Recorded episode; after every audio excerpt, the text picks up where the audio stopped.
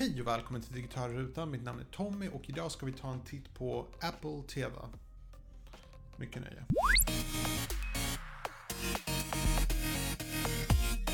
Så det här är en Apple TV. Det är inte den senaste versionen som är Apple TV 4K. Det är bara Apple TV 4. Den stora skillnaden är då att den nya har stöd för 4K. Men förutom det så är det i princip samma sak. Du har den här lilla eh, enheten och så har du en fjärrkontroll till det. Eh, jag ville bara dela med mina tankar kring den här saken. Jag använder den eh, relativt ofta, men jag använder den faktiskt inte i vardagsrummet. Jag använder den i min studio där jag har den kopplad till en extra TV eh, som inte är en smart-TV. På min smart-TV som vi har i vardagsrummet, som är en LG smart-TV, där finns möjligheten att ladda ner appar som till exempel eh, Netflix, eh, Spotify och så vidare.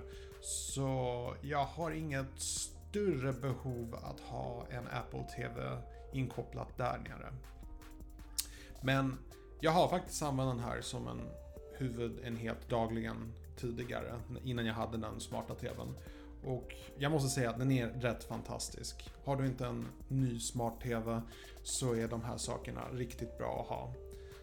Um, den fungerar i princip som en iPhone eller en smart telefon.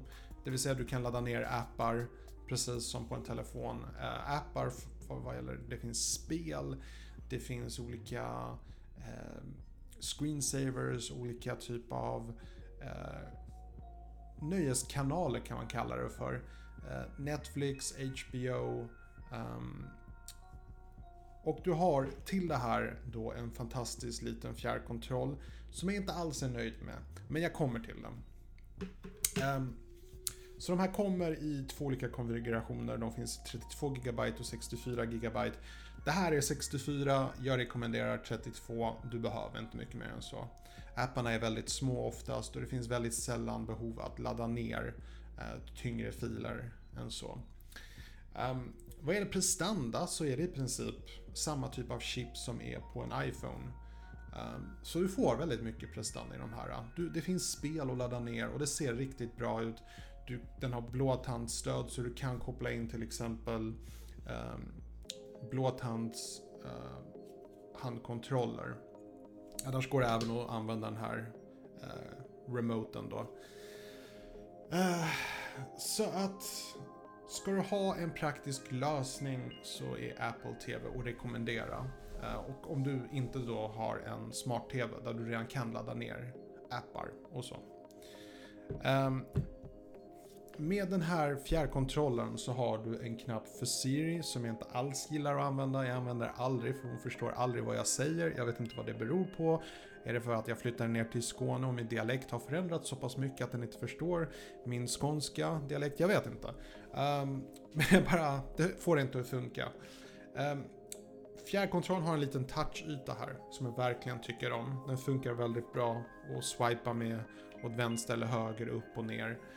Um, du har sänka och höja, starta, gå tillbaka till menyn och så vidare. Det som är lite dåligt med den här jämfört med tidigare version av de här Apple Remotes det är att när jag plockar upp den här så är det liksom, det är bara svart. Och visst, du ser att den här ytan är lite annorlunda än den här mer skinande ytan. Det är olika material, det här är plast, det här är glas. Absolut. Men oftast när jag plockar upp den här så händer det att den är felvänd. Och jag kan inte se någon skillnad. Och det är inte att jag liksom, oj, det här känns som ett annat material. Utan det kan ta ett tag innan jag kommer på att den är faktiskt upp och ner. Så jag hade personligen föredragit att man hade i så fall delat upp det i två olika färger. Jag funderar helt ärligt på att sätta ett klistermärke här. Bara så att jag vet att det här är botten eller någonting åt det hållet. Det är mitt största klagomål på den här upplevelsen som är en fantastisk upplevelse och du har massa intressanta appar. Det är inte riktigt de möjligheterna jag hade så att man hade kunnat göra. Jag, det bara känns som att man hade kunnat lägga in mycket mer appar och mycket mer möjligheter. Men man har inte riktigt tänkt till det. Vad gäller spel, prestandan här är faktiskt väldigt bra. Du kan spela en massa olika intressanta spel. Men utbudet är inte så stort som jag skulle vilja att det skulle vara. Förstå mig inte fel, det finns väldigt många appar. Fruktansvärt många appar. Bara inte den mängd som jag tycker att det är värt att verkligen använda en Apple TV på ett mer praktiskt sätt.